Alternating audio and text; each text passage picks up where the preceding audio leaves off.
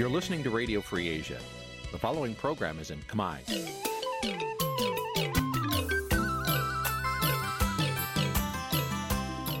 នេះជាកម្មវិធីផ្សាយ Vuthu Azizi Serai នេះជាកម្មវិធីផ្សាយរបស់ Vuthu Azizi Serai ជាភាសាខ្មែរ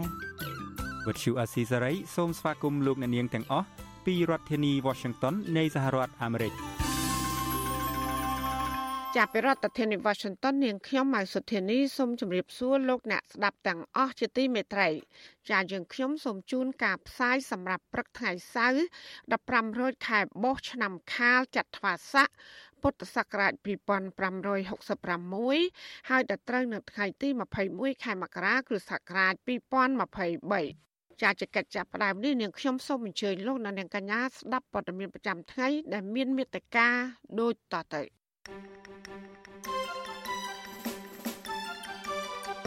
អ្នកវិភាគរិះគន់លោកនាយករដ្ឋមន្ត្រីហ៊ុនសែនរឿងឲ្យគណៈបកភ្លើងទៀនសំទោសមន្ត្រីសង្គមស៊ីវិលថាពួកគេនៅតែរងការគៀបសង្កត់ពីរដ្ឋាភិបាលដែលខុសពីការលើកឡើងរបស់រដ្ឋមន្ត្រីក្រសួងមហាផ្ទៃ ក្រសួងកសិកម្មច្រានចោលការសង្ស័យថាមន្ត្រីខ្លួនម្នាក់ទៀតពាក់ព័ន្ធនឹងការរត់ពន្ធស្វាក្តាមខុសច្បាប់បរដ្ឋរងគ្រោះទឹកចំនួនស្នើអភិបាលខេត្តកណ្ដាលពន្លឿនរកទីតាំងរស់នៅបណ្ដោះអាសន្នរួមនឹងព័ត៌មានសំខាន់សំខាន់មួយចំនួនទៀតចាត់ជាបន្តទៅទៀតនេះនាងខ្ញុំម៉ៃសុធានីសូមជូនព័ត៌មានទាំងនោះពឺស្ដាប់ ចាលោកនានីជាទីមេត្រីអ្នកវិភាគនយោបាយអះអាង ថាគណៈបកប្រជាជនកម្ពុជាទាមទារឲ្យគណៈបកភ្លើងទៀនសំទោសជាសាធារណៈគឺជារឿងមិនត្រឹមត្រូវពីព្រោះរដ្ឋាភិបាលលោកនាយករដ្ឋមន្ត្រីហ៊ុនសែនបានប្រើប្រាស់តឡាការគម្រាមកំហែងដាក់គុកនិងរឹបអូសទ្រព្យសម្បត្តិរបស់មន្ត្រីជាន់ខ្ពស់នៃគណៈបកភ្លើងទៀនរួចហើយបែរជាឲ្យជនរងគ្រោះសំទោសទៅវិញ។ ការលើកឡើងបែបនេះធ្វើឡើងនៅក្រៅពីលោកហ៊ុនសែននិងគណៈបកកណ្ដាលអំណាចបានចេញសេចក្តីថ្លែងការណ៍ថ្កោលទោសគណៈបកភ្លើងទៀនដែលថាគណៈបកកណ្ដាលអំណាចបានធ្វើទុកបុកម្នេញនយោបាយលើគណៈបកប្រឆាំងចាប់ពីរដ្ឋធានី Washington លោកទីនសាការីយ៉ារាយការណ៍ព័ត៌មាននេះគណៈបកភ្លើងទៀនមិនធ្វើលិខិតសុំទោសគណៈបកកណ្ដាលអំណាចទៅតាមការទៀមទារបស់លោកនាយករដ្ឋមន្ត្រីហ៊ុនសែននោះឡើយផ្ទុយទៅវិញគណៈបកនេះ បានចេញសេចក្តីថ្លែងការណ៍កាលពីថ្ងៃទី20មករាស្វាគមន៍សេចក្តីថ្លែងការណ៍របស់គណៈបកប្រជាជនកម្ពុជាដោយគណៈបកភ្លឹងទៀនចាត់ទុកថាជាការបញ្ជាក់ពីភាពស្អាតស្អំត្រឹមត្រូវនិងសេចក្តីថ្លៃថ្នូររបស់គណៈបកប្រជាជនកម្ពុជាដែលជាគណៈបកកំពុងតែកាន់អំណាចសេចក្តីថ្លែងការណ៍គណៈបកភ្លឹងទៀនបន្ថែមថាគណៈបកភ្លឹងទៀន គាំទ្រជំហររបស់គណៈបកប្រជាជនកម្ពុជាក្នុងការពង្រឹងបរិយាកាសនយោបាយឲ្យបានប្រសើរបំផុតសម្ដៅដល់ការធានាឲ្យការបោះឆ្នោតជ្រើសតាំងតំណាងរាស្ត្រអាណត្តិទី7នៅខែកក្កដាប្រព្រឹត្តទៅដោយសេរីត្រឹមត្រូវនិងយុត្តិធម៌គណៈបកភ្លើងទៀនចេញសេចក្តីថ្លែងការណ៍នេះនៅក្រៅពេលលោកនាយរដ្ឋមន្ត្រីហ៊ុនសែនកាលពីថ្ងៃទី19មករាបានប្រតិកម្មតបទៅនឹងសេចក្តីថ្លែងការណ៍របស់គណៈបកភ្លើងទៀនកាលពីថ្ងៃទី18មករា ដោយអំពាវនាវឲ្យគណៈបកកណ្ដាលអំណាចឈប់ធ្វើទុកបុកម្នេញគណៈបកភ្លើងទៀនជាបន្ទាន់លោកហ៊ុនសែនបដិសេធការចោទប្រកាន់នេះហើយទាមទារឲ្យគណៈបកភ្លើងទៀនធ្វើលិខិតសំទោសលោកហ៊ុនសែនអះអាងថាគណៈបកកណ្ដាលអំណាចមិនបានធ្វើទុកបុកម្នេញគណៈបកភ្លើងទៀននោះទេលោកថែមទាំងប្រមានប្តឹងគណៈបកភ្លើងទៀនហើយចាត់ឲ្យមេធាវីគណៈបកកណ្ដាលអំណាចឲ្យពិនិត្យលើរឿងនេះថែមទៀតផង ក្រោយពីលោកហ៊ុនសែនបញ្ចេញប្រតិកម្មបែបនេះស្ថាប័នសាធារណៈរបស់រដ្ឋបានចេញញត្តិគាំទ្រនិងថ្កោលទោសគណៈបកភ្លើងទៀនបន្តតាមលោកហ៊ុនសែនប្រងព្រាតរីឯគណៈកម្មាធិការកណ្ដាលរបស់គណៈបកប្រជាជនកម្ពុជាវិញកាលពីថ្ងៃទី18មករាក៏ចេញសេចក្តីថ្លែងការណ៍បញ្ជាក់ពីភាពស្អាតស្អំរបស់ខ្លួនតាមរយៈការគោរពច្បាប់សេរីភាពនិងលទ្ធិប្រជាធិបតេយ្យយ៉ាងម៉ឺងម៉ាត់សេចក្តីថ្លែងការណ៍របស់គណៈបកកណ្ដាលអំណាចនេះក៏លើកពីគុណសម្បត្តិដឹកនាំរបស់គណៈបកនេះដែរគណៈបកប្រជាជនកម្ពុជាប្រឆាំងដាច់ខាត ចំពោះការចោទប្រកាន់របស់គណៈបកភ្លើងទៀនពាក់ព័ន្ធនឹងរឿងនេះអនុប្រធានគណៈបកភ្លើងទៀនលោកសុនឆៃមានប្រសាសន៍ថាគណៈបកភ្លឹងទៀនបានយកចិត្តទុកដាក់ចំពោះមតិយោបល់របស់លោកនាយរដ្ឋមន្ត្រីហ៊ុនសែនយកទៅដោះស្រាយដើម្បីបង្កបរិយាកាសនយោបាយល្អរវាងគណៈបកភ្លើងទៀននិងគណៈបកកាន់អំណាចលោកបន្ថែមថាគណៈបករបស់លោកចង់បានបរិយាកាសនយោបាយមួយដែលស្មើភាពសេរីគ្មានការគំរាមកំហែងលោកសុនឆៃរំពឹងថាគណៈបកទាំងពីរនឹងអាចជជែកលើចំណុចខ្វែងគំនិតគ្នាកន្លងមក ក្នុងការដោះស្រាយបញ្ហាជាជាងប្រឈមមុខដាក់គ្នាតែតកាលមានគណៈបកនយោបាយដូចជាយើងមានការរិះគន់ធ្វើទៅបានតែឥឡូវសម្ដេចយុរដ្ឋមន្ត្រីលោកមិនចង់ឲ្យហេតុការណ៍នឹងកើតមានទៀតនិងយើងក៏គោរពតាមបលរបស់លោកដែរយើងយកយោបល់នឹងចាត់ទុកដាក់អនុវត្តបលលោកនឹងឲ្យបានល្អប្រសើរណាជារឿងថ្មីមានប្រតិកម្មពីរដ្ឋវិស័យដែលជាប្រធានគណៈបកប្រជាជនកម្ពុជា ឆ្លើយតបនឹងរឿងនេះអ្នកនាំពាក្យគណៈបកប្រជាជនកម្ពុជាលោកសុកអេសានថ្លែងថាគណៈបកកណ្ដាលអំណាចមិនទទួលយកសេចក្តីថ្លែងការណ៍របស់គណៈបកភ្លើងទីននោះទេលោកបញ្ជាក់ថាគណៈបករបស់លោកនៅតែទាមទារឲ្យគណៈបកភ្លើងទៀនត្រូវចេញមុខសុំទោសគណៈបកប្រជាជនកម្ពុជាដដែល។ ការចោទប្រកាន់ចេញក្នុងសេចក្តីថ្លែងការណ៍ថាគណៈបព្វជិជនគៀបសង្កត់នឹងវាផ្ទុយអំពីការពិតជាក់ស្ដែងអត់មានគៀបសង្កត់ទេពីព្រោះអ្នកឯងធ្វើប៉ះពាល់អានិសិទ្ធិសេរីភាពកិច្ចផ្លាច់នៅកិត្តិយសរបស់គេគឺថាគេត្រូវតែរកយុត្តិធម៌ហើយរកយុត្តិធម៌នៅក្នុងសង្គមប្រជាធិបតេយ្យនីតិរដ្ឋវាត្រូវតែរកតាមផ្លូវតុលាការទោះបីជាលោកសុកអេសាននៅតែទាមទារឲ្យគណៈបកភ្លើងទៀនធ្វើលិខិតសុំទោសបែបនេះក្តីប៉ុន្តែក្រុមអ្នកតាមដានសង្គមនៅតែមើលឃើញថាគណៈបកកណ្ដាលអំណាច កំពុងតែធ្វើទុកបុកម្នេញគណៈបកប្រឆាំងជាស្ដែងដូចជាករណីគណៈបកប្រជាជនកម្ពុជាប្តឹងអនុប្រធានគណៈបកប្រឆាំងលោកសុនឆៃនិងទាមទារជំងឺចិត្តប្រមាណជា1លានដុល្លាររឿងរិះគន់លទ្ធផលបោះឆ្នោតខុំសង្កាត់ករណីប្តឹងលោកកុងគំឧត្តមទីប្រឹក្សាគណៈបកភ្លើងទៀនរហូតដល់លោកផ្ដាល់ដីនិងផ្ទះជួលរដ្ឋាភិបាលទៅតាមការទាមទាររបស់លោកហ៊ុនសែនទើបលោកនាយករដ្ឋមន្ត្រីដកពាក្យបណ្ដឹងវិញ ករណីចុងក្រោយគឺការចាប់ខ្លួនលោកថច្សិថាអនុប្រធានគណៈបកភ្លើងទៀនមួយរូបទៀតដាក់ពន្ធនាគារចោលប្រកាន់ពីរឿងចាញ់សាច់អត់លុយក្តីតែក្រុមនៃវិភាគចាត់ទុកថានេះជារឿងនយោបាយពាក់ព័ន្ធនឹងរឿងនេះនេះវិភាគនយោបាយលោកកំសុកមានប្រសាសន៍ថាទោះបីជាគណៈបកភ្លើងទៀនចេញលិខិតសុំទោសលោកនាយរដ្ឋមន្ត្រីហ៊ុនសែននិងគណៈបកកណ្ដាលអំណាចរបស់លោកក៏ដោយក៏គ្មានន័យនោះដែរប្រសិនបើគណៈបកប្រជាជនកម្ពុជា នៅតែធ្វើទុកបុកម្នេញគណៈបកប្រឆាំងនឹងអ្នករិះគន់ដដាលនោះនៅពេលដែលគណៈបកប្រជាជនកម្ពុជាបំពៀននិងធ្វើទុកបុកម្នេញលើគណៈបកភ្លើងទៀនជ្រុលពេកទោះបីជាគណៈបកភ្លើងទៀនបង្ខំចិត្តសុំទោសក៏ពាក្យសុំទោសនោះ មិនអាចធ្វើជាប៉ារ៉ាម៉ែត្រវាស់ឲ្យឃើញគណៈបកប្រជាជនកម្ពុជាស្អាតស្អំបានដែរដូច្នេះបានន័យថាសេចក្តីថ្លៃថ្នូររបស់គណៈបកប្រជាជនកម្ពុជាដូចជាទៀបពេកហើយអន់ពេកហើយត្រូវការពាក្យមួយម៉ាត់របស់គណៈបកភ្លើងទៀនណាដោយឡែកអគ្គលេខាធិការសម្ព័ន្ធនិស្សិតបញ្ញវន្តកម្ពុជាលោកគៀនពន្លកមើលឃើញថាស្ថានភាពនយោបាយនៅកម្ពុជាកាន់តែអាប់អួរមុនការបោះឆ្នោតខាងមុខនេះមកដល់។ លោកថាបើសិនជាគណៈបកកណ្ដាលអំណាចបន្តប្រមាននឹងចាត់វិធានការលើគណៈបកភ្លឹងទៀននោះនឹងមិនផ្ដល់ផលចំណេញអ្វីដល់គណៈបកកណ្ដាលអំណាចនោះឡើយទោះបីជាគណៈបកកណ្ដាលអំណាចយល់ថាខ្លួននឹងមានកិត្តិយសយ៉ាងណាក៏ដោយក៏ប៉ុន្តែម្ចាស់ស្លឹកឆ្នោតគឺប្រជាជនកម្ពុជាទាំងមូលបាទគាត់ បានដឹងរួចទៅហើយថានរណាជាអ្នកមានកិត្តិយសពិតប្រាកដអញ្ចឹងហើយអ្វីដែលសំខាន់គឺម្ចាស់ស្លឹកឆ្នោតដែលចេញទៅបោះឆ្នោតនៅខែកក្កដាឆ្នាំ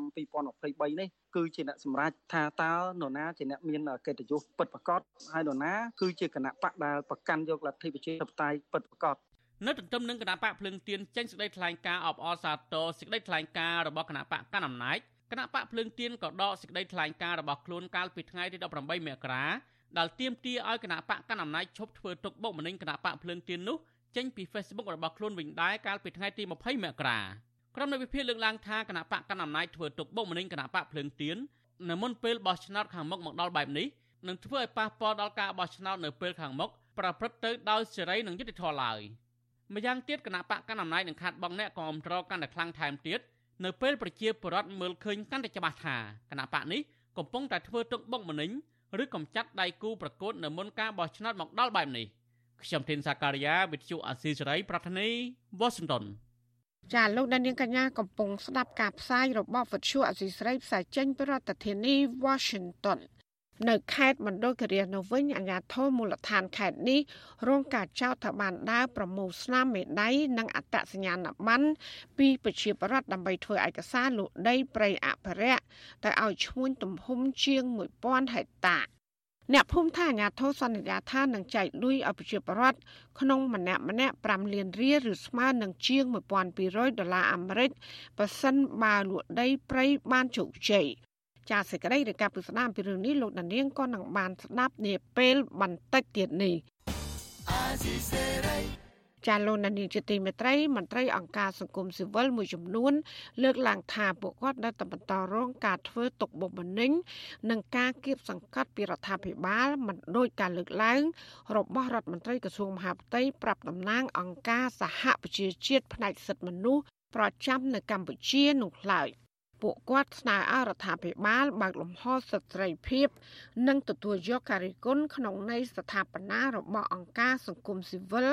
ដើម្បីជំរុញនិងស្ដារការគោរពសិទ្ធិមនុស្សឡើងវិញ ស្របតាមគោលការណ៍លទ្ធិប្រជាធិបតេយ្យចាលោកជាតិចំណានរាជការព័ត៌មាននេះមន្ត្រីសង្គមស៊ីវិលលើកឡើងថា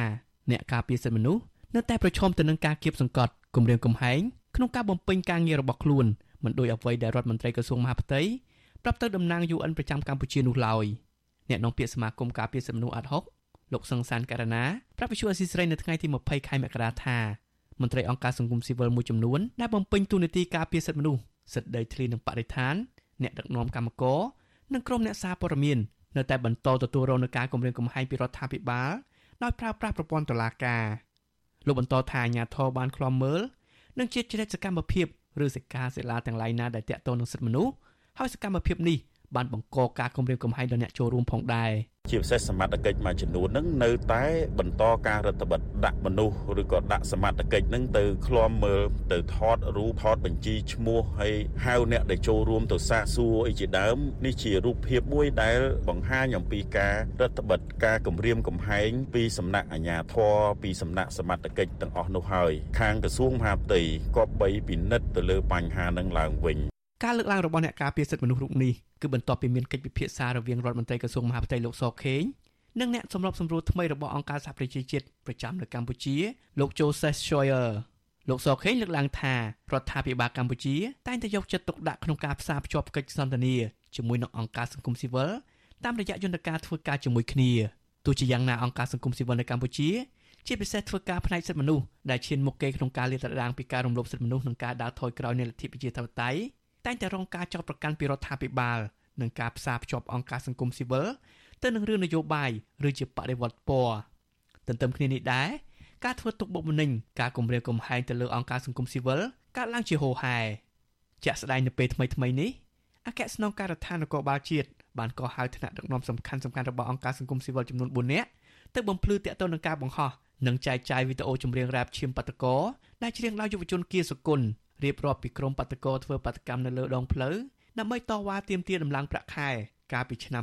2014ហើយត្រូវបានសមត្ថកិច្ចបាញ់និងវាយបង្ក្រាបដោយហិង្សាប្រធានអង្គការទាំង4នាក់នោះរួមមាននាយកទទួលបន្ទុកកិច្ចការទូតនៃអង្គការលីកាដូលោកអំសមាតនាយកប្រតិបត្តិនៃមជ្ឈមណ្ឌលសម្ព័ន្ធភាពការងារនិងសិទ្ធិមនុស្សហៅកាត់ថាសង្ត្រាល់លោកមឿនដុល្លារប្រធានសមាគមប្រជាធិបតេយ្យឯករាជ្យនៃសេដ្ឋកិច្ចក្រៅប្រព័ន្ធលោកវ៉ាន់ពៅនិងប្រធានសមាគមសម្ព័ន្ធសហគមន៍កសិករកម្ពុជាលោកថេងសាវឿនអញ្ញាធរ បានចោទថាបទចម្រៀងនេះមានខ្លឹមសារអុចអារញុះញង់អាចបង្កអសន្តិសុខនិងសន្តិភាពដល់សង្គមនិងបង្ខំឲ្យក្រុមមន្ត្រីសង្គមស៊ីវិលលុបវីដេអូឈាមបាតកោចេញពីបណ្ដាញសង្គមនិងគេហទំព័ររបស់ខ្លួនអង្គការសង្គមស៊ីវិលចាត់ទុកករណីនេះថាជាការគំរាមកំហែងនិងបិទសិទ្ធិសេរីភាពបញ្ចេញមតិវិសុអាស៊ីសេរីមិនអាចតាក់ទងអ្នកនាំពាក្យក្រសួងមហាផ្ទៃលោកខៀវសុភ័ក្រនិងអ្នកនាំពាក្យគណៈកម្មាធិការសិទ្ធិមនុស្សរបស់កម្ពុជាលោកកតាអូន ដើម្បីសុំការអត្ថាធិប្បាយបានទេនៅថ្ងៃទី20ខែមករាជួយរឿងនេះនាយកទទួលបន្ទុកកិច្ចការទូតនៃអង្គការលីកាដូលោកអំសមានមានប្រសាសន៍ថារដ្ឋាភិបាលតែងតែផ្សារភ្ជាប់អង្គការសង្គមស៊ីវិលដែលធ្វើការលើកកម្ពស់សិទ្ធិមនុស្សទៅនឹងរឿងនយោបាយនិងចាត់ទុករបាយការណ៍ដែលបង្ហាញពីការរំលោភសិទ្ធិមនុស្សដែលជាប់ពាក់ព័ន្ធទៅនឹងរដ្ឋាភិបាលថាជាបដិវត្តពណ៌លោកបញ្ជាក់ថាបច្ចុប្បន្នរដ្ឋាភិបាលបានដាក់អង្គការមួយចំនួនចូលទៅក្នុងបញ្ជីសនិងធ្វើការតាមដានរាល់សកម្មភាពរបស់អង្គការទាំងនោះ។ អញ្ចឹងបើសិនជាអង្គការទាំងអស់ហ្នឹងគេធ្វើការដោយគោរពទៅតាមលក្ខន្តិកៈគោរពទៅតាមរដ្ឋធម្មនុញ្ញគោរពទៅតាមច្បាប់ជាតិនិងអន្តរជាតិគួរតែអាជ្ញាធរនោះគាត់ត្រូវតែយល់ដឹងហើយមានកិច្ចសហការល្អហើយមានការបើកទលាយទៅលើសកម្មភាពការងាររបស់អង្គការសង្គមស៊ីវិលហ្នឹងគ្រាន់តែគេបំពេញការងារទៅតាមលក្ខន្តិកៈទៅតាមគោលការណ៍របស់គេហើយវាអត់មានអីដែលត្រូវមានការរឹតបន្តឹងទៅលើសេរីភាពទាំងអស់នឹងទេមន្ត្រីអង្គការសង្គមស៊ីវិលស្នើទៅរដ្ឋាភិបាលគួរតែសហការជាមួយអង្គការសង្គមស៊ីវិលឲ្យស្មោះត្រង់ដើម្បីរួមគ្នាលើកកម្ពស់ប្រជាធិបតេយ្យនិងការគោរពសិទ្ធិមនុស្សឡើងវិញជាវិនទទួលការរិះគន់និងទទួលរងទណ្ឌកម្មសេដ្ឋកិច្ចពីសហគមន៍អន្តរជាតិបន្ថែមទៀតខ្ញុំបាទជាចំណាន Visual Assisray ប្រធានាទី Washington ចាលោកនាងជាទីមេត្រីយុវជនគៀសុគន្ធអ្នកនិពន្ធនិងអ្នកចម្រៀងចម្រៀងរ៉ាបគឺជាអ្នកនិពន្ធដ៏កម្រដែលបានបំពេញតួនាទីដ៏សំខាន់ដោយហ៊ាននិយាយការពិតរៀបរាប់ពីស្ថានភាពរស់នៅរបស់ប្រជាពលរដ្ឋក្នុងសង្គមបច្ចុប្បន្នតាមរយៈបទចម្រៀងជាច្រើនដែលលោកបានតាក់តែងនិពន្ធដោយផ្ទាល់ដូចជាបទចម្រៀងចុងក្រោយឈាមបតកោជាដើម តើមូលហេតុអ្វីបានជាការហ៊ាននិយាយការពិតនៅក្នុងសង្គមបែរទៅជាទទួលរងការគំរាមកំហែងទៅវិញចាលោកនាងក៏នឹងបានស្ដាប់សេចក្តីរាយការណ៍ពិស្ដារអំពីរឿងនេះនៅក្នុងការផ្សាយរបស់យើងនាពេលបន្តិចទៀតនេះចាលោកនាងកញ្ញាកំពុងស្ដាប់ការផ្សាយរបស់វិទ្យុអសីសេរីផ្សាយចេញពីរដ្ឋធានី Washington ជាដំណើរគ្នានឹងស្ដាប់ការផ្សាយរបស់វិទ្យុអសីសេរីតាមបណ្ដាញសង្គម Facebook និង YouTube លោកអ្នកនាងកញ្ញាក៏អាចស្ដាប់ការផ្សាយរបស់វិទ្យុអសីសេរី តាមរយៈរលក ធាតុអាកាសខ្លីឬ Short Wave តាមកម្រិតនិងកម្ពស់ដូចតទៅចាប់ពេលព្រឹកចាប់ពីម៉ោង5កន្លះដល់ម៉ោង6កន្លះតាមរយៈប៉ុស SW 9.39 MHz ស្មើនឹងកម្ពស់ 32m និងប៉ុស SW 11.85 MHz ស្មើនឹងកម្ពស់ 25m ចាសម្រាប់ពេលយប់វិញចាប់ពីម៉ោង7កន្លះដល់ម៉ោង8កន្លះតាមរយៈប៉ុស SW 9.39 MHz ស្មើនឹងកម្ពស់ 32m ប៉ុស SW 11.88 MHz ស្មើនឹងកម្ពស់ 25m និងប៉ុស SW 15.15 MHz ស្មើនឹងកម្ពស់ 20m ចាសសូមអរគុណ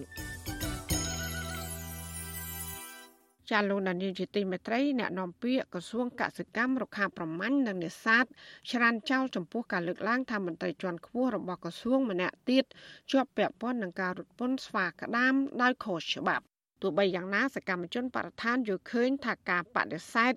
របស់អ្នកនាំពាក្យក្រសួងនេះគឺមានបំណងការពារមន្ត្រីជាន់ខ្ពស់ដែលសង្ស័យថាមានជាប់ពាក់ព័ន្ធនឹងការប្រព្រឹត្តអំពើពុករលួយចាលោកនៅវណ្ណរិនមានសេចក្តីរាយការណ៍ជុំវិញព័ត៌មាននេះ អ្នកនាំពាក្យក្រសួងកសិកម្មបដិសេធការសង្ស័យថារដ្ឋលេខាធិការនិងជាអតីតអគ្គនាយកនៃអគ្គនាយកដ្ឋានផលិតកម្មនិងបសុព្យាបាលនៃក្រសួងកសិកម្មលោកសែនសុវណ្ណជាប់ពាក់ព័ន្ធទៅនឹងការរត់ពន្ធស្វាក្តាមទៅសហរដ្ឋអាមេរិកកញ្ញាអឹមរចនាអ្នកនាំពាក្យក្រសួងកសិកម្មបានឆ្លើយតបយ៉ាងខ្លីថាព័ត៌មានដែលថាមន្ត្រីក្រសួងកសិកម្មម្នាក់ទៀតជាប់ពាក់ព័ន្ធនឹងការជួញដូរស្វាក្តាមដោយខុសច្បាប់គឺជារឿងមិនពិត ទោះយ៉ាងណាក៏ដោយកញ្ញាអឹមរចនាបដិសេធមិនបកស្រាយបន្ថែមចំពោះករណីនោះទេ លោកសែនសុវណ្ណត្រូវបានគេសង្ស័យថាបានប្រើប្រាស់ទូនាទីរបស់ខ្លួនចេញលិខិតដើម្បីបញ្ជាក់សុខភាពស្វាក្តាមខុសច្បាប់ដើម្បីនាំចេញទៅសហរដ្ឋអាមេរិកនិងមានទំនាក់ទំនងផ្នែកអាជីវកម្មជាមួយស្ថាបនិកក្រុមហ៊ុន Vanni Bio Research គឺលោក James Masang Lau ដែលជាក្រុមហ៊ុនរងការចោទប្រកាន់ពីរដ្ឋអាជ្ញារបស់សហរដ្ឋអាមេរិកថាពាក់ព័ន្ធទៅនឹងបណ្ដាញរត់ពន្ធសត្វស្វាក្តាមខុសច្បាប់ទៅសហរដ្ឋអាមេរិកតម្លៃរាប់លានដុល្លារអាមេរិក ការរកឃើញថ្មីថ្មីនេះគឺជាផុសតាងបន្ថែមទៀតលើការចោទប្រកាន់របស់តុលាការអាមេរិកទៅលើមន្ត្រីជាន់ខ្ពស់នៃក្រសួងកសិកម្មកម្ពុជា2នាក់កន្លងមកដែលបានជាប់ពាក់ព័ន្ធជាមួយនឹងការជួញដូរស្វាក្តាមដោយខុសច្បាប់បុគ្គលិកទាំងពីរនោះគឺម្នាក់ជាអគ្គនាយករដ្ឋបាលព្រៃឈើលោកកៅអូម៉ាលីស និងម្នាក់ទៀតគឺជាប្រធាននាយកដ្ឋានសត្វព្រៃនិងជីវៈចម្រុះនៃក្រសួងកសិកម្មគឺលោកគ្រីម៉ាក់ផល ដែលតុលាការសហរដ្ឋអាមេរិកបានសម្រេចបន្តឃុំខ្លួននៅក្នុងផ្ទះមួយនៅក្នុងរដ្ឋវីជីញ៉ាសហរដ្ឋអាមេរិកវិទ្យុអេស៊ីសេរីមិនអាចតាក់ទងលោកសែនសវណ្ណរដ្ឋលេខាធិការក្រសួងកសិកម្មដើម្បីបកស្រាយជុំវិញរឿងនេះបានឡើយនៅថ្ងៃទី20មករា ទោះជាយ៉ាងណាក៏ដោយលោកធ្លាប់ប្រាប់វិទ្យុអាស៊ីសេរីតាមទូរស័ព្ទថាលោកមិនមានទំនាក់ទំនងជិតស្និទ្ធណាមួយជាមួយលោក James Mansang Lau នោះទេជុំវិញរឿងនេះដែរស្ថាបនិកអង្គការមេដាធម្មជាតិលោក Alexandro Gonzalez Davidson យល់ឃើញថាការកិច្ចវេះមិនព្រមបកស្រាយមកកាន់អ្នកសារព័ត៌មានរបស់អ្នកនាំពាក្យនិងមន្ត្រីរដ្ឋាភិបាល គឺជាសកម្មភាពគ្រប់គ្រងទម្លាប់ឯងជួយអញអញជួយឯង ដើម្បីការពារមន្ត្រីនិងឈ្មួញខិលខូចពីសំណាញ់ច្បាប់លោកបន្តថាមូលហេតុដែលអ្នកនាំពាក្យមិនព្រមបកស្រាយបែបនេះអាចបញ្ជាក់ឃើញថាគាត់មិនអាចរកលេសដោះសារដើម្បីលាក់កំបាំងពីការពិតព្រោះព្រោះសប្តាហ៍នេះឈ្មួញក្រុមហ៊ុននៅតែបន្តខុបខិតជាមួយមន្ត្រីខលខូចប្រមាញ់សត្វស្វាកំពុងរស់នៅក្នុងព្រៃនៃប្រទេសកម្ពុជាដើម្បីយកទៅលក់នៅក្រៅប្រទេស ព័ត៌មានតនន័យពីលោកសែនសវណ្ណហ្នឹងគឺចេញមកពីក្រសួងពាណិជ្ជកម្មមិនមកពីអង្គការសង្គមស៊ីវិលឬក៏មិនមកពីរដ្ឋបរទេសណាមកពីរដ្ឋាភិបាលរបស់អ្នកនាំពាក្យខ្លួនឯងផ្ទាល់ហ្នឹងបើសិនជាព័ត៌មាននឹងคล้ายคล้ายមែនណាមានន័យថាព័ត៌មានឬតនន័យនៅក្នុងក្រសួងពាណិជ្ជកម្មហ្នឹងក៏คล้ายคล้ายដែរហ្នឹងអញ្ចឹងសូមឲ្យគាត់ពិចារណាឡើងវិញនៅពេលដែលគាត់ប្រើពាក្យអញ្ចឹង អង្គការជាតិនិងអន្តរជាតិកន្លងមកក៏បានរិះគន់រដ្ឋាភិបាលនិងក្រសួងកសិកម្មដែរតាក់ទងនឹងវិធានការការពារមន្ត្រីជាន់ខ្ពស់របស់ក្រសួងកសិកម្មគឺលោកគ្រីម៉ាក់ផលក្រោយពីតុលាការសហរដ្ឋអាមេរិកសម្រេចឃុំខ្លួនអង្គការទាំងនោះលើកឡើងថាការការពាររបស់រដ្ឋាភិបាលបែបនេះគឺជាការយកចិត្តលោកគ្រីម៉ាស់ផល ដើម្បីកុំឲ្យលោកបង្ហាញឈ្មោះអ្នកដែលតាក់ទងទៅនឹងការលួចរត់ពន្ធសត្វស្វាខុសច្បាប់ទៅតុលាការអាមេរិក ករណីជួញដូរស្វាក្តាមដោយខុសច្បាប់រាប់ម៉ឺនក្បាលនេះក៏ត្រូវសង្ស័យថាមានការពាក់ព័ន្ធជាមួយគណៈបកកណ្ដាលអំណាចផងដែរដោយសារក្រុមហ៊ុន Vanni Bio Research ធ្លាប់បានឧបត្ថម្ភសាច់ប្រាក់ចំនួន10000ដុល្លារអាមេរិកទៅកាន់គណៈបកប្រជាជនកម្ពុជាដើម្បីគ្រប់គ្រងយុទ្ធនាការបោះឆ្នោតកាលពីឆ្នាំ2018ខ្ញុំបាទនៅវណ្ណរិន With Chu Azizi Saray ពីរដ្ឋធានី Washington ចាលោកអ្នកស្ដាប់យុតិមេត្រីពាក់ព័ន្ធនឹងទឹកជំនន់នៅខេត្តកណ្ដាលនេះប្រជាពលរដ្ឋរងគ្រោះទឹកជំនន់ដែលបាត់បង់ផ្ទះសម្បែងទាំងស្រុង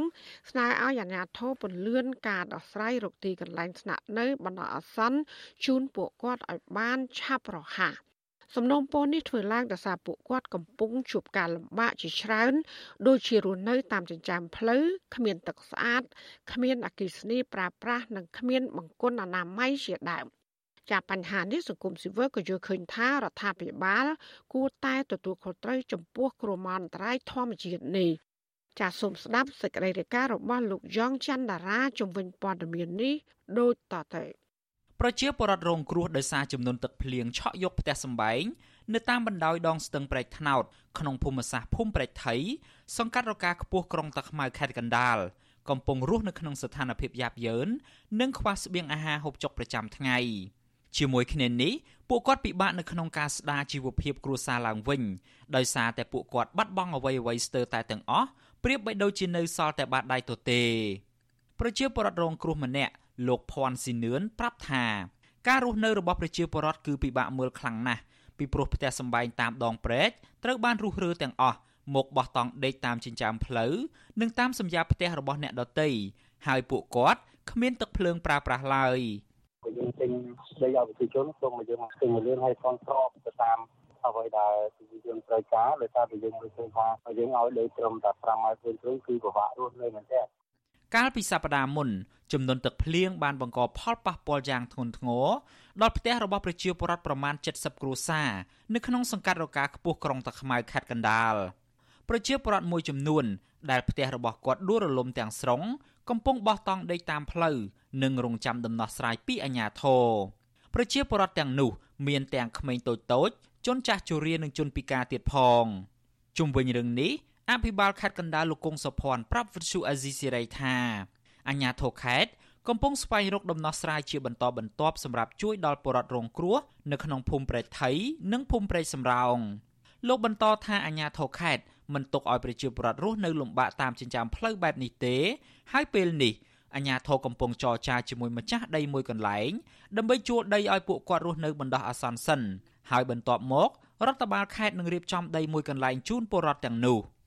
យើងត្រូវការខិតខំរកដំណោះស្រាយលំនៅឋានសមរម្យបាទដែលមានកន្លែងណាមួយឆ្ងាយពីទីនេះតែសមរម្យមិនមានលទ្ធភាពខ្ពស់ពេកទេប៉ុន្តែអាចគាត់ស្នាក់បានទូលល្មមអញ្ចឹងកំពុងនឹងរកឲ្យរកឲ្យបានស្អាតទៅពេលខាងមុខពាក់ព័ន្ធករណីនេះអ្នកសម្របសម្រួលគម្រោងធុរកិច្ចនិងសិទ្ធិមនុស្សនៃមជ្ឈមណ្ឌលសិទ្ធិមនុស្សកម្ពុជាលោកវ៉ាន់សុផាត មានប្រសាសន៍ថាសង្គមស៊ីវិលធ្លាប់ផ្ដល់អនុសាសន៍ទៅរដ្ឋាភិបាលឲ្យបញ្ឈប់ជាបន្ទាន់ការលុបបង្ខំធម្មជាតិនានា ដែលជាឧបសគ្គងាយនឹងកើតមានគ្រោះទឹកជំនន់លោកបន្តថាលោកព្រួយបារម្ភចំពោះការផ្លាស់ទីលំនៅជូនប្រជាពលរដ្ឋយឺតយ៉ាវដោយករណីផ្លាស់ទីលំនៅជូនប្រជាពលរដ្ឋនៅស្ទឹងមានជ័យដែលអាជ្ញាធរប្រើពេលដល់រាប់ឆ្នាំ។គួរតែទីតាំងណាដែលនៅក្បែរទីតាំងចាស់របស់គាត់ហើយដោយថាមានហេដ្ឋារចនាសម្ព័ន្ធត្រឹមត្រូវជាស្រេចឲ្យមានសាលារៀនសាពេទ្យមន្ទីរ សុខភាពអីចឹងឬមួយក៏អាចគាត់រកចំណូលបានសម្រាប់ទៅក្នុងជីវភាពរបស់គាត់ប្រចាំថ្ងៃហ្នឹងណាប្រជាពលរដ្ឋដែលរស់នៅតាមបណ្ដោយដងស្ទឹងប្រែកថ្នោតកាន់តែងាយរងគ្រោះដោយសារតែទឹកជំនន់ធ្ងន់ធ្ងរពីមួយឆ្នាំទៅមួយឆ្នាំសូម្បីតែនៅក្នុងរដូវប្រាំងដែលមានភ្លៀងធ្លាក់តិចជាងរដូវវស្សាកត្តានេះអង្គការសង្គមស៊ីវិលនិងប្រជាសហគមន៍មើលឃើញថាដោយសាររដ្ឋាភិបាលលុបបឹងធម្មជាតិជាបន្តបន្ទាប់ ដូចជាបឹងជើងឯកនិងបឹងទំពុនជាដើម ដែលបឹងទាំងនោះគឺជាប្រព័ន្ធអាងស្តុកទឹកនិងប្រព័ន្ធរំដោះទឹកសម្រាប់បញ្ជៀសការលិចលង់ខ្ញុំយ៉ងច័ន្ទដារាវិទ្យុអាស៊ីសេរីរាយការណ៍ពីរដ្ឋធានី Washington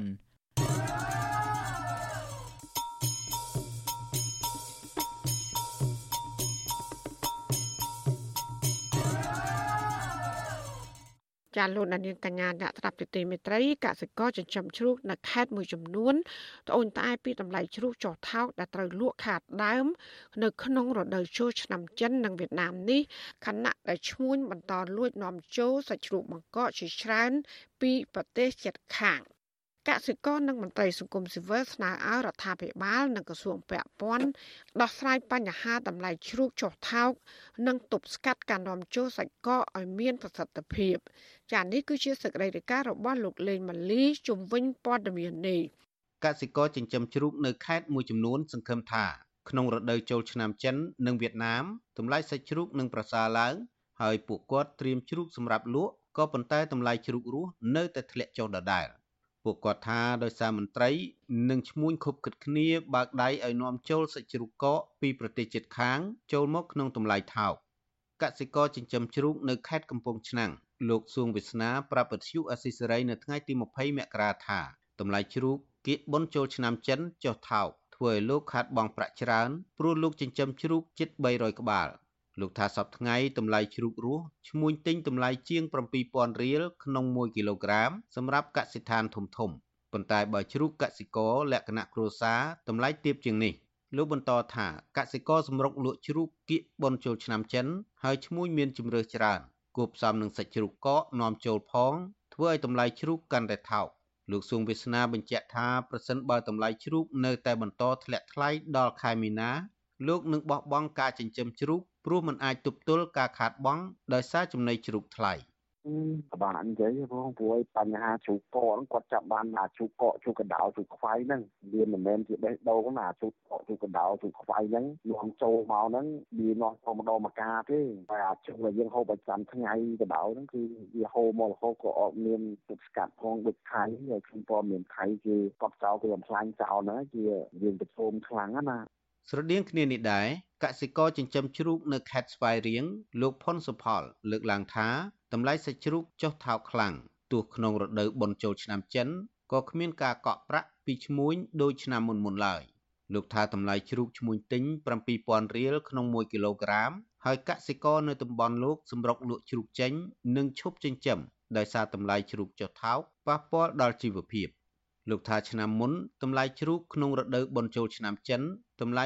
13000រៀលក្នុង1គីឡូក្រាម ហើយតម្លៃចំណីក៏មានតម្លៃសមរម្យ តាមការសង្កេតរបស់យើងវាប្លែកពីឆ្នាំទៅព្រោះឆ្នាំហ្នឹងយើងឃើញគេលក់សាច់បកកច្រើនស្ទើរតែពេញ Facebook ទាំងអស់ហើយយើងគិតថាអាចបដាមកពីសាច់បកកច្រើនពេកតែធ្វើឲ្យជ្រូកធ្លាក់ថ្លៃដូចខ្ញុំនិយាយអញ្ចឹងព្រោះខ្ញុំឃើញគេលក់សាច់បកកក្នុងនោះគឺមានសាច់បកកផងមានលក្ខណៈជាជ្រូកខ្វៃផងជ្រូកទាំងមូលទាំងមូលតែម្ដងបាទដល់អញ្ចឹងទៅដូចជាស្ងាត់អត់មានណារកជ្រូកខ្វៃទេហើយខ្ញុំតាក់តងឈ្មោះជាច្រើនគាត់ថាឆ្នាំហ្នឹងគឺមេគាត់ធំធំតកែធំធំគឺគេអត់ទិញតែម្ដងគឺជ្រូកយើងគេអត់ទិញតែម្ដងដល់អញ្ចឹងគាត់មិនដឹងថាគាត់ទិញទៅណាដែរតកែដែលធ្លាប់កំងគាត់គេអត់ទិញដែរបើនិយាយពីចំណេញគឺអត់សោះសំរងគឺមានតែខាតច្រើនឬក៏ខាតតិចបើថាឲ្យរួចខ្លួនឬក៏ចំណេញអត់អាចទេវិទ្យុអសិសរីមិនអាចតាក់ទងแนะនាំពាក្យក្រសួងកសិកម្មកញ្ញាអឹមរចនាដើម្បីសុំសេចក្តីអធិប្បាយជុំវិញរឿងនេះបានទេ នៅថ្ងៃទី20មករាដោយសារទូរស័ព្ទហៅចូលតែពុំមានអ្នកទទួល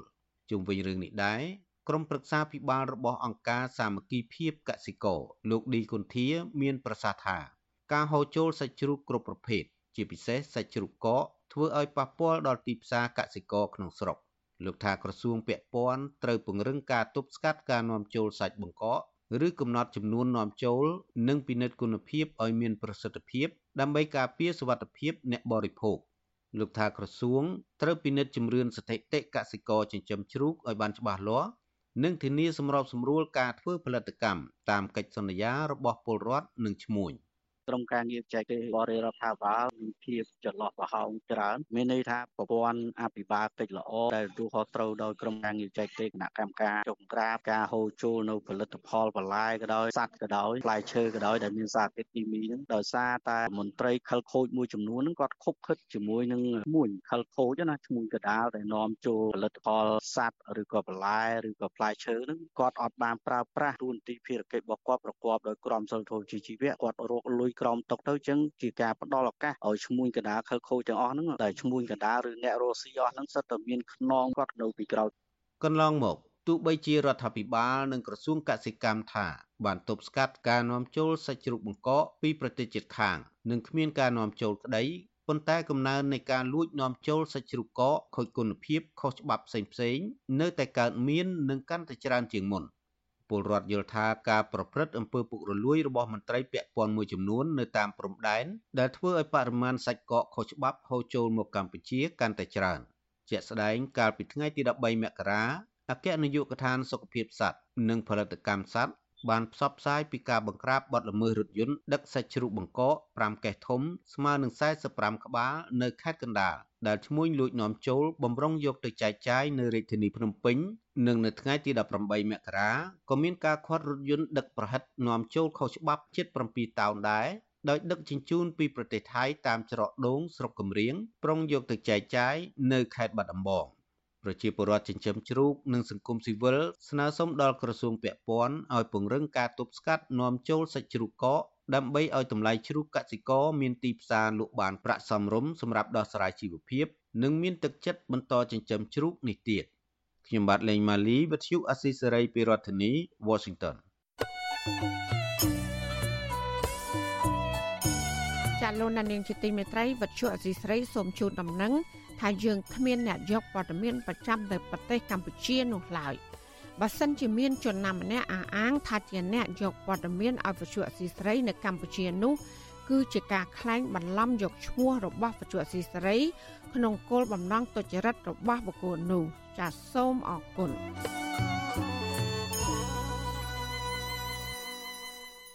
ចាលោកនាងជាទីមេត្រីពលករខ្មែរមួយចំនួនដែលកំពុងរស់នៅ និងធ្វើការនៅក្នុងប្រទេសថៃត្អូញត្អែពីការធ្វើលិខិតឆ្លងដែនឬប៉ាសពតនិងឯកសារការងារជាច្រើនដងដែលមានតម្លៃថ្លៃក៏ប៉ុន្តែមិនងាយទទួលបានឯកសារទាំងនោះដោយសារថៅកែរក្សាទុកលិខិតឆ្លងដែនមិនអោយពលករពួកគេថាថៅកែថៃពជាពេលមិនអោយពលករខ្មែរបានទទួលលិខិតឆ្លងដែនឬ passport ដោយសារខ្លាចពួកគេរត់ទៅធ្វើការឲ្យថៅកែថៃផ្សេងទៀត ចាប់ពីរដ្ឋធានី Washington លោកសនចន្ទរដ្ឋារាយការណ៍ព័ត៌មាននេះពលករខ្មែរនៅប្រទេសថៃមិនហ៊ានធ្វើដំណើរទៅខេត្តផ្សេងក្រៅពីកន្លែងធ្វើការដោយសារគ្មានប៉ាសពតនៅក្នុងដៃបើទោះបីជាប្រកាសបង់ប្រាក់សម្រាប់ធ្វើឯកសារគ្រប់ចំនួនក៏ដោយក៏មិនបានទទួលប៉ាសពតតន់ចិត្តដែរពួកគេត្រូវបានថកែថៃបង្ខំធ្វើប៉ាសពតថ្មីទើបទទួលធ្វើការតែភេកច្រើនបង់ប្រាក់ហើយមើលបានប៉ាសពតពលករនីខ្មែរម្នាក់ធ្វើការសំណងនៅបាងកក7ឆ្នាំលោកស្រីស៊ុនអ៊ូន មកពីស្រុកអង្គជុំខេត្តសំរៀបប្រាវិជួស៊ីស្រីថ្ងៃទី9ខែមករាថាលោកស្រីបង់ប្រាក់ចំនួន20000បាតស្មើនឹងជាង2លានរៀលឲ្យតកែថៃធ្វើប៉ាសពតថ្មី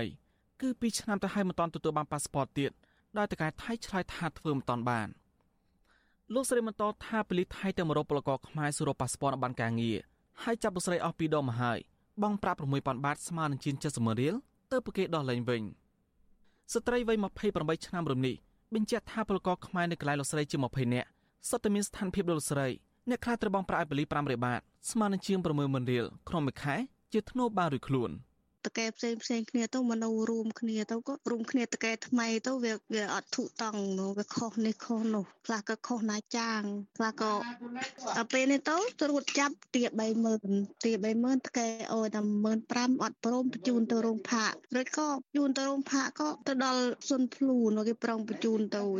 អេសានទៀតនោះដល់ពេលនេះពួកខ្ញុំឃាលុយខ្លួនឯង9នាក់នោះអស់20000គេយក30000ដល់ពេលអត់មានទៅយក20000 ស្រដៀងគ្នានេះដែរពលករនីម្នាក់ទៀតនៅប្រទេសថៃ10ឆ្នាំមានស្រុកកំណើតនៅខេត្តបាត់ដំបងលោកស្រីញឹបសរមពលថ្លៅស្រីក៏ជាកម្មករសំណងម្នាក់ដែរធ្វើការផ្លាទីពីខេត្តមួយទៅខេត្តមួយជាញឹកញាប់តែលោកស្រីនៅតែបារម្ភខ្លាចលុយចាប់ដោយសារបានការងារលោកស្រីតកែថៃមិនតន់ប្រគល់ឲ្យនៅឡើយទេលោកស្រីបានថែមថាពលករជាស្ត្រី បានប្រាក់មួយថ្ងៃ350បាតស្មើជាង40000រៀលបើគិតថ្លៃធ្វើប៉ាសពតរួចគឺសល់គ្រប់ចាយវីប្រចាំថ្ងៃលោកស្រីបញ្ជាក់ថាលោកស្រីបងប្រាក់ឲ្យតកែថៃរាល់ខែ រហូតជិត20000បាតដើម្បីធ្វើប៉ាសពត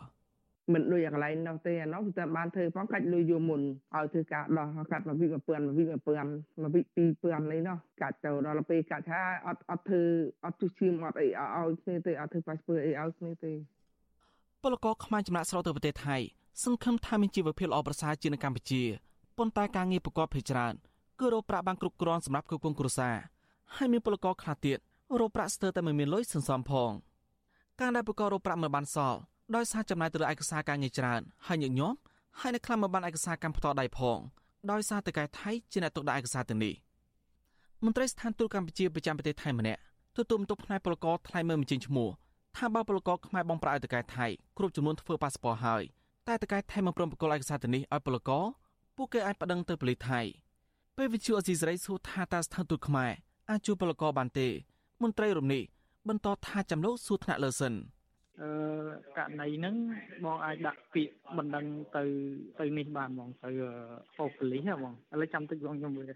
អត់ភ្លឺច្បាស់ទៅទៅឲ្យមេគាត់និយាយមិនមិនច្បាស់ហ្មងពូខ្ញុំទឹកចូលពលករខ្មែរធ្វើការនៅប្រទេសថៃគុំរទទួលបានដំណោះស្រាយពីស្ថានទូតរបស់ខ្លួននៅពេលពួកគេត្រូវទៅការថៃបំពេញសិទ្ធិការងារកេងប្រវ័ញ្ចកម្លាំងពលកម្មដូចជាធ្វើការហួសកម្លាំងមិនបាប្រាក់ខែឲ្យជាដើមចុងវើនេះ មន្ត្រីគម្រោងនៃមជ្ឈមណ្ឌលសម្ព័ន្ធភាពការងារនិងសិទ្ធិមនុស្សហើយកាត់ថងការសង្ត្រាតលើលងសុផុនលើឡាថាពលករខ្មែរមួយចំនួនចំណាក់ស្រុកចូលប្រទេសថៃដោយមិនស្របច្បាប់លុះធ្វើការបានមួយរយៈទើបពួកគេចុះឈ្មោះធ្វើបានការងារស្របច្បាប់នេះជាហេតុធ្វើឲ្យតកែថៃយកលេខពញាពេលមកផ្ដល់ឯកសារការងារជូនដល់ពលរដ្ឋលោកបន្តថាជួនកាលតកែថៃក៏រងគ្រោះដែរដោយមានអាមាការឯកសារបោកប្រាស់ដោយយកលុយហើយមិនធ្វើប៉ាសពតពលករខ្មែរលោកស្នើស្ថានទូតខ្មែរត្រូវជួយដល់ពលកររបស់ខ្លួន ទទួលបានបានការងារស្របច្បាប់នៅប្រទេសថៃ។តាមពិតទៅខាងស្ថាប័នរដ្ឋដូចជា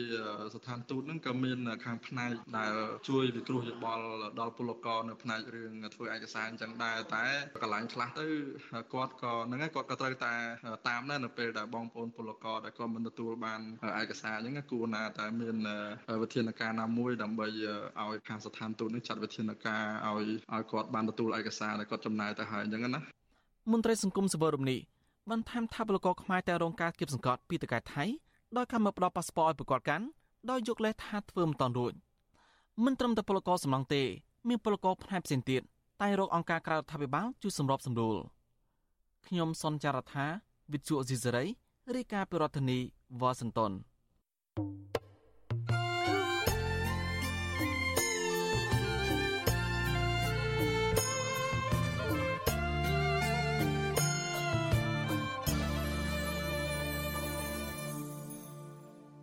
ចាលោកដានៀងកញ្ញាកំពុងស្ដាប់ការផ្សាយរបស់វិទ្យុអសីស្រីផ្សាយចេញពីរដ្ឋធានី Washington នៅខេត្តមណ្ឌលគិរីនៅវិញអាជ្ញាធរមូលដ្ឋានខេត្តនេះរងការចោទថាបានដើរប្រមូលស្នាមមេដៃនិងអត្តសញ្ញាណប័ណ្ណ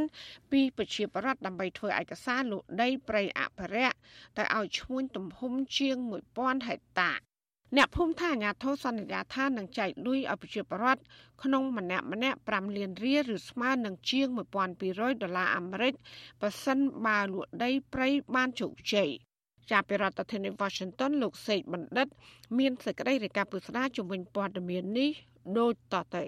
ពលរដ្ឋភៀកច្រើនជាជនជាតិដើមភៀតតិចភ្នងជាង200គ្រួសាររស់នៅក្នុងភូមិនងបួរនិងភូមិជីម៉ាតឃុំនងខេលិចស្រុកកោះញែក កំពុងស្វែងរកកិច្ចអន្តរាគមន៍ទៅសមាគមការពារសិទ្ធិមនុស្សអាត6និងអាជ្ញាធរឃុំដើម្បីទាមទារឲ្យអាជ្ញាធរមូលដ្ឋានស្រាយបំភ្លឺករណីខុបខិតគ្នា ធ្វើឯកសារលក់ដីព្រៃអភិរក្សអ្នកភូមិថាកាលពីខែសីហាឆ្នាំ2021អនុភូមិជីម៉ាត លោកបានតែស្មានឃុំ លោកឡាំស៊ីធឿននិងនាយរងប៉ុស្តិ៍នគរបាលម្នាក់ទៀតឈ្មោះឡាំសុទិន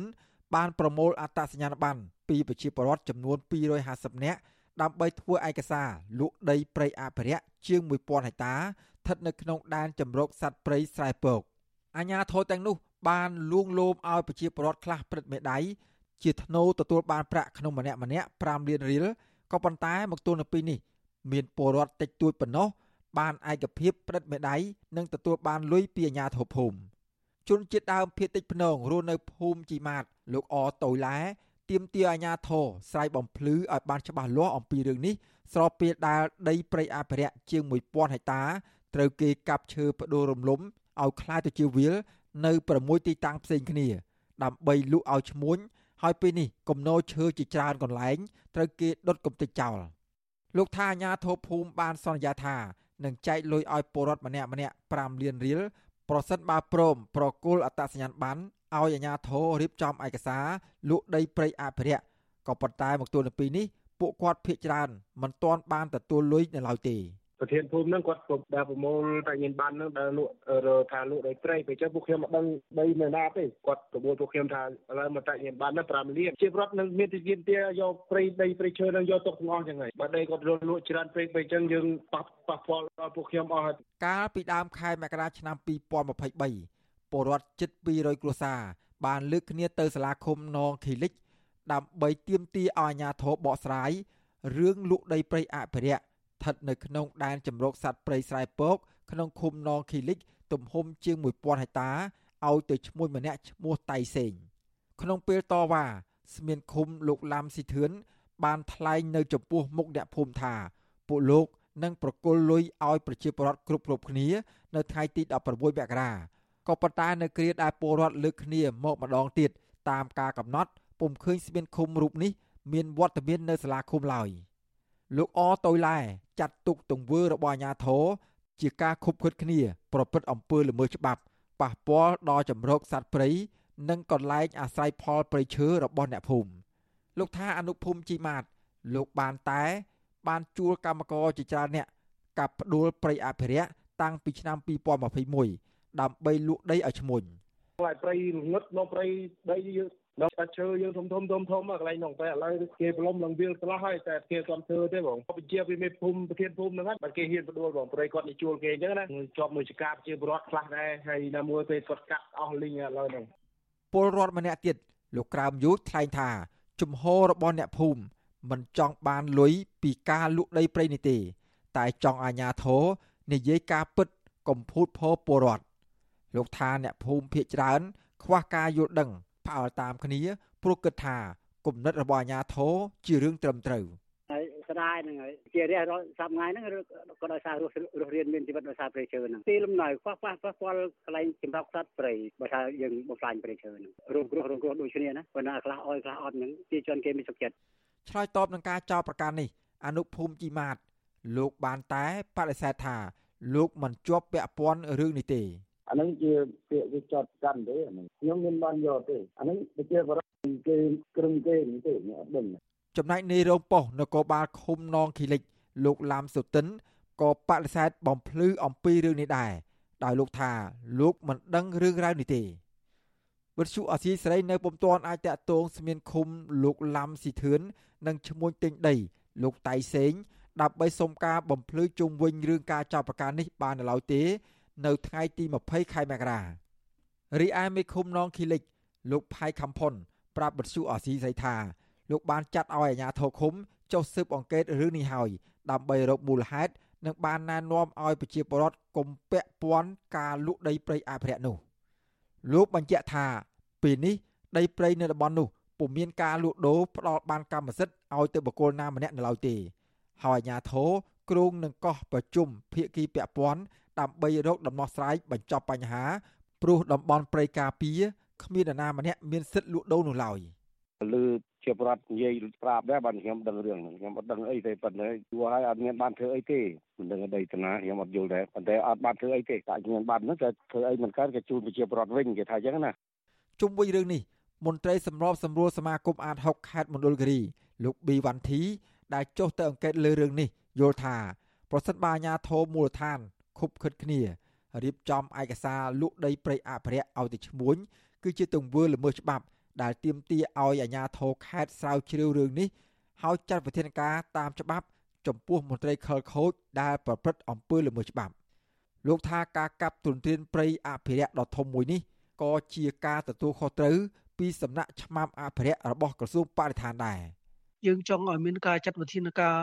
ឲ្យបានមើងម៉ាត់ទៅអនុវត្តច្បាប់ទៅលើមន្ត្រីទាំងអស់ហ្នឹងកុំឲ្យពួកគាត់នៅតែប្រព្រឹត្តហើយនឹងសបាយក្នុងការលក់ដីព្រៃទ្រព្យសម្បត្តិរបស់រដ្ឋមកទួលនៅពេលនេះដីព្រៃអភិរក្សដែលអាជ្ញាធរមូលដ្ឋាន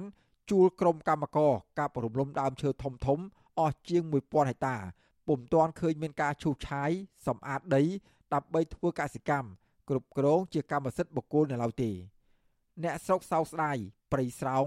និងព្រៃពាក់កណ្ដាលស្រោងបានคล้ายទៅជាវាលរហោឋានយ៉ាងឆាប់រហ័សដោយពុំឃើញមានឆ្មាំអភិរក្សរបស់ក្រសួងបរិស្ថានចុះហាមឃាត់នោះឡើយដែនជំរកសត្វព្រៃស្រែពកមានផ្ទៃដីជាង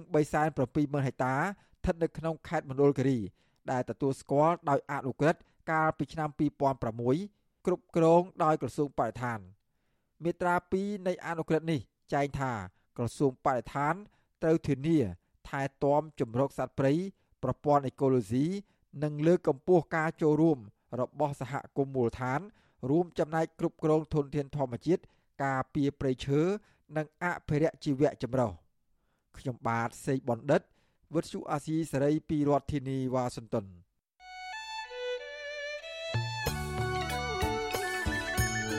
ចាលោកនាងកញ្ញាជាទីមេត្រីក្រៅតែពីការតាមដាន ការផ្សាយរបស់វិទ្យុអសីស្រីតាមបណ្ដាញសង្គម Facebook YouTube Telegram លោកនាងកញ្ញាក៏អាចស្ដាប់ការផ្សាយរបស់យើងតាមបណ្ដាញសង្គម Instagram ដែលមានអាសយដ្ឋាន instagram.com/rfa ខ្មែរចាវិទ្យុអសីស្រីនឹងបន្តខិតខំផ្សាយព័ត៌មានពិតទៅកាន់លោកនាងកញ្ញាតាមរយៈបណ្ដាញសង្គមផ្សេងៗនិងសម្បូរបែបដើម្បីឲ្យលោកអ្នកនាងងាយស្រួលតាមដានការផ្សាយរបស់យើងគ្រប់ពេលវេលា និងគ្រប់ទីកន្លែងតាមរយៈទូរស័ព្ទដៃរបស់លោកអ្នក ចាសសូមអរគុណចាលោកនានីជាទីមេត្រីការហ៊ាននិយាយការពិតក្នុងសង្គមគឺជាតួនាទីដ៏សំខាន់មួយរបស់អ្នកនិពន្ធតួនាទីនេះក៏កាន់តែសំខាន់ថែមទៀតនៅពេលដែលបរិវត្តនៅក្នុងសង្គមរស់នៅក្នុងការភ័យខ្លាចពីការរដ្ឋបិទសិទ្ធិសេរីភាពបញ្ចេញមតិ យុវជនគិសគុណដែលជាអ្នកនិពន្ធនិងច្រៀងចម្រៀងរ៉ាបគឺជាប្រភេទអ្នកនិពន្ធកម្រ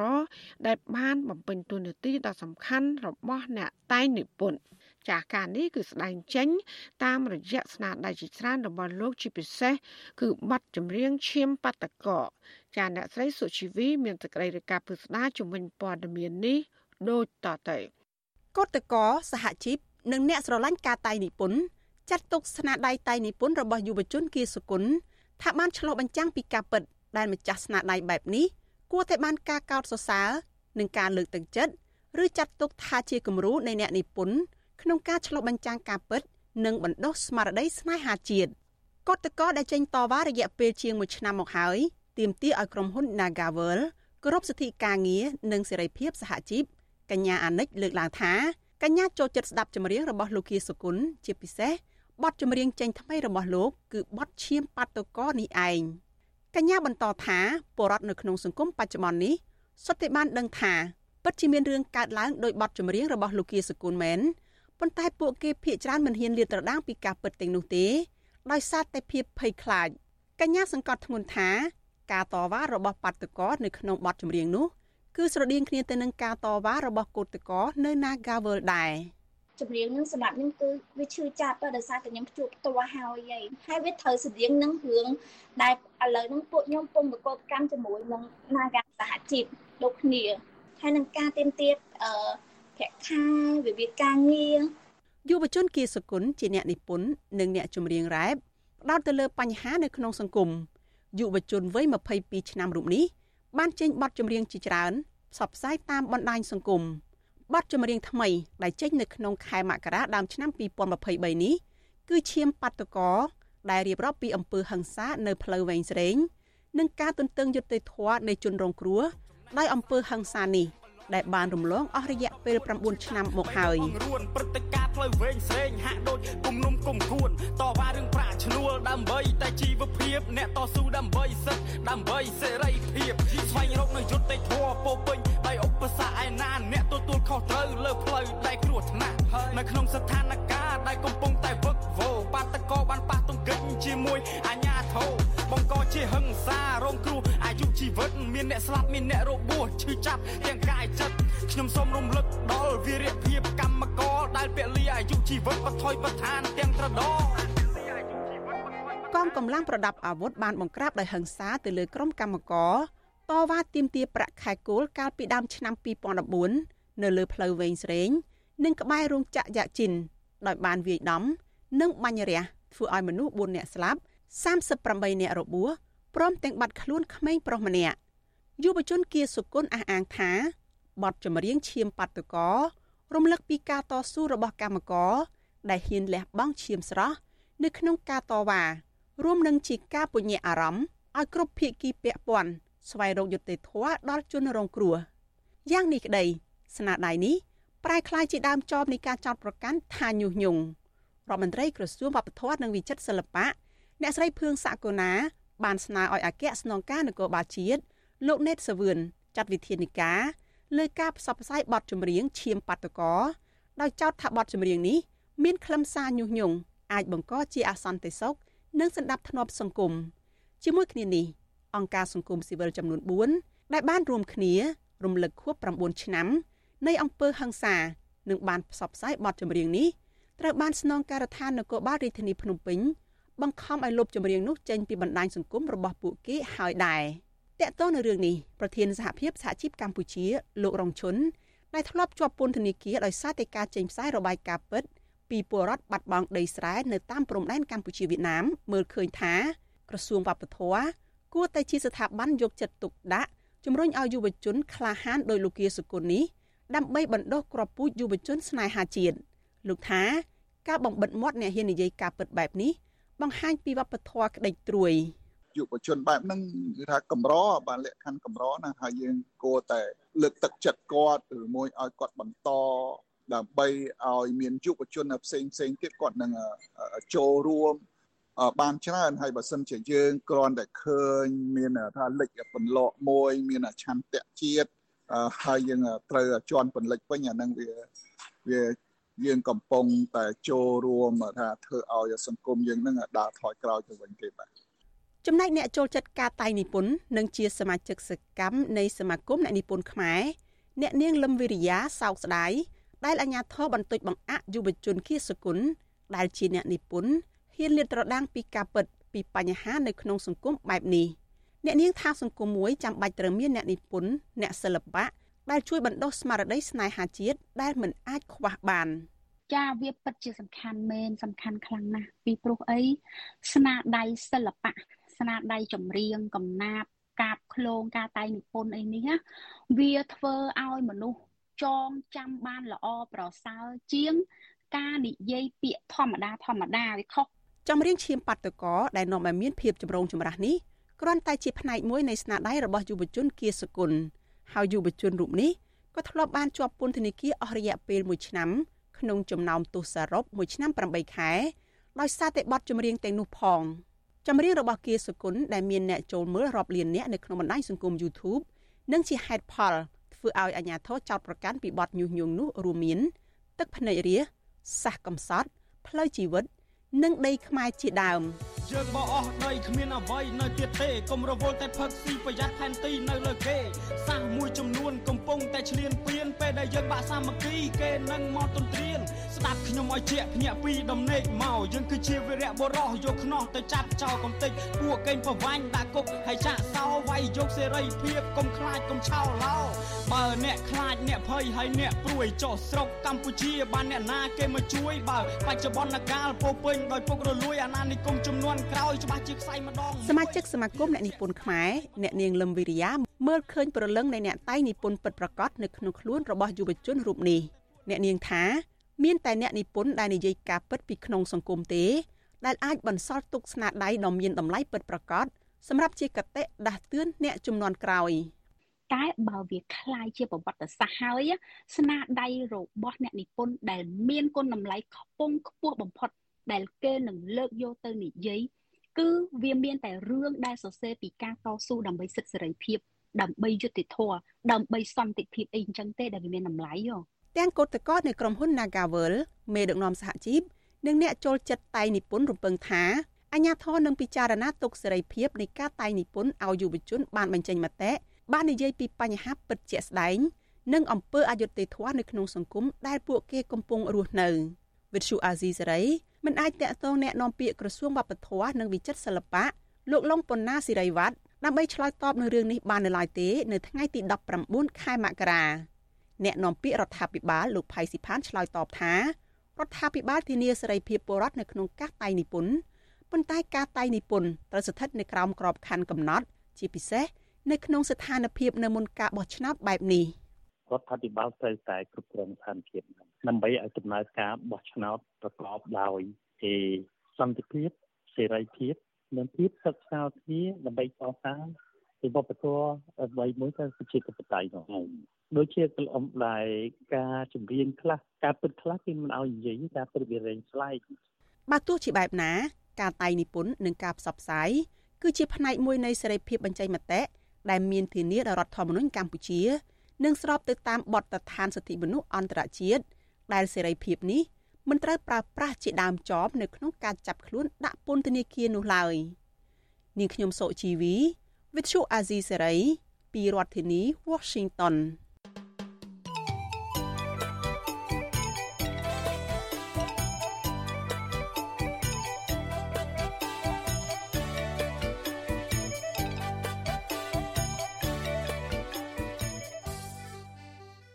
ជាបន្តទៅទៀតនេះនាងខ្ញុំម៉ៃសុធានីសូមជូនព័ត៌មានបញ្ចប់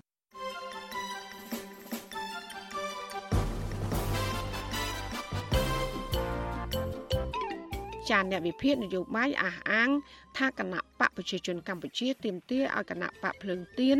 សំទោសជាសាធារណៈគឺជារឿងមិនត្រឹមត្រូវពីព្រោះរដ្ឋាភិបាលលោកនាយករដ្ឋមន្ត្រីហ៊ុនសែនបានប្រើប្រាស់តឡាការគម្រាមកំហែងដាក់គុកនិងរឹបអូសទ្រព្យសម្បត្តិរបស់មន្ត្រីជាន់ខ្ពស់គណៈបកភ្លើងទៀនរួចហើយបែរជាឲ្យជនរងគ្រោះសំទោសទៅវិញ។ ការលើកឡើងបែបនេះធ្វើឡើងនៅក្រៅពីលោកនាយករដ្ឋមន្ត្រីហ៊ុនសែននិងគណៈបកកណ្ដាលអំណាចបានចេញសេចក្តីថ្លែងការណ៍ថ្កោលទោសគណៈបកភ្លើងទៀនរឿងដែលគណៈបកនេះថាគណៈបកកណ្ដាលអំណាចបានធ្វើទុកបុកម្នេញនយោបាយលើគណៈបកប្រឆាំង ចាមន្ត្រីអង្គការសង្គមស៊ីវិលមួយចំនួនលើកឡើង ថាពួកគាត់នៅតែបន្តរងការធ្វើទុកបុកម្នេញនិងការគៀបសង្កត់ពីរដ្ឋាភិបាលមិនដូចការលើកឡើង របស់រដ្ឋមន្ត្រីក្រសួងមហាផ្ទៃប្រាប់តំណាងអង្គការសហប្រជាជាតិផ្នែកសិទ្ធិមនុស្សប្រចាំនៅកម្ពុជានោះឡើយ។ ពួកគាត់ក៏បានស្នើឲ្យរដ្ឋាភិបាល បើកលំហស្ត្រីភាព និងទទួលយកការរិះគន់ក្នុងន័យស្ថាបនារបស់អង្គការសង្គមស៊ីវិលដើម្បីជំរុញនិងស្ដារការគោរពសិទ្ធិមនុស្សស្របតាមគោលការណ៍លទ្ធិប្រជាធិបតេយ្យ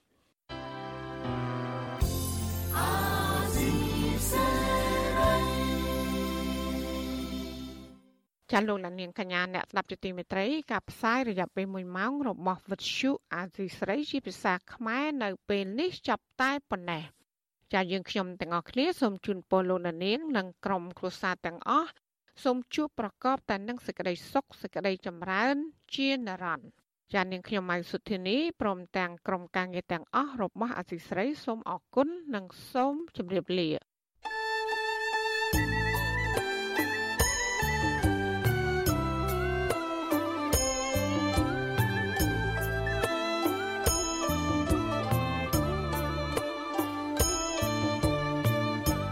វិទ្យុអាស៊ីសេរីផ្សាយតាមរលកធារកាសខ្លីឬ shortwave តាមកម្រិតនិងកម្ពស់ដូចតទៅនេះពេលព្រឹកចាប់ពីម៉ោង5កន្លះដល់ម៉ោង6កន្លះតាមរយៈប៉ុស SW 9.39 MHz ស្មើនឹងកម្ពស់ 32m និងប៉ុស SW 11.85 MHz ស្មើនឹងកម្ពស់ 25m ពេលយប់ចាប់ពីម៉ោង7កន្លះដល់ម៉ោង8កន្លះតាមរយៈប៉ុស SW 9.39 MHz ស្មើនឹងកម្ពស់ 32m ប៉ុស SW 11.88 MHz ស្មើនឹងកម្ពស់ 25m និងប៉ុស SW 15.15 MHz ស្មើនឹងកម្ពស់ 20m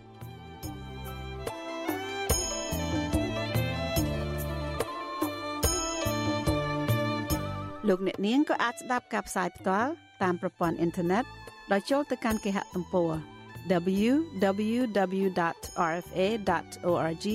ខ្មែរក្រៅពីនេះលោកអ្នកនាងក៏អាចអាននិងទស្សនាព័ត៌មានវិទ្យុអេស៊ីសេរីលើទូរស័ព្ទដៃរបស់លោកអ្នកផ្ទាល់សូមលោកអ្នកនាង ចូលទៅកាន់កម្មវិធី Facebook រួចស្វែងរកពាក្យ RFA ខ្មែរនិង YouTube ដោយស្វែងរកពាក្យ RFA ខ្មែរ សូមលោកអ្នកនាងចុច like និងចុច subscribe ដើម្បីទទួលបានព័ត៌មានថ្មីៗតាមហេតុការណ៍និងទស្សនាវីដេអូផ្សេងៗទៀតបានគ្រប់ពេលវេលា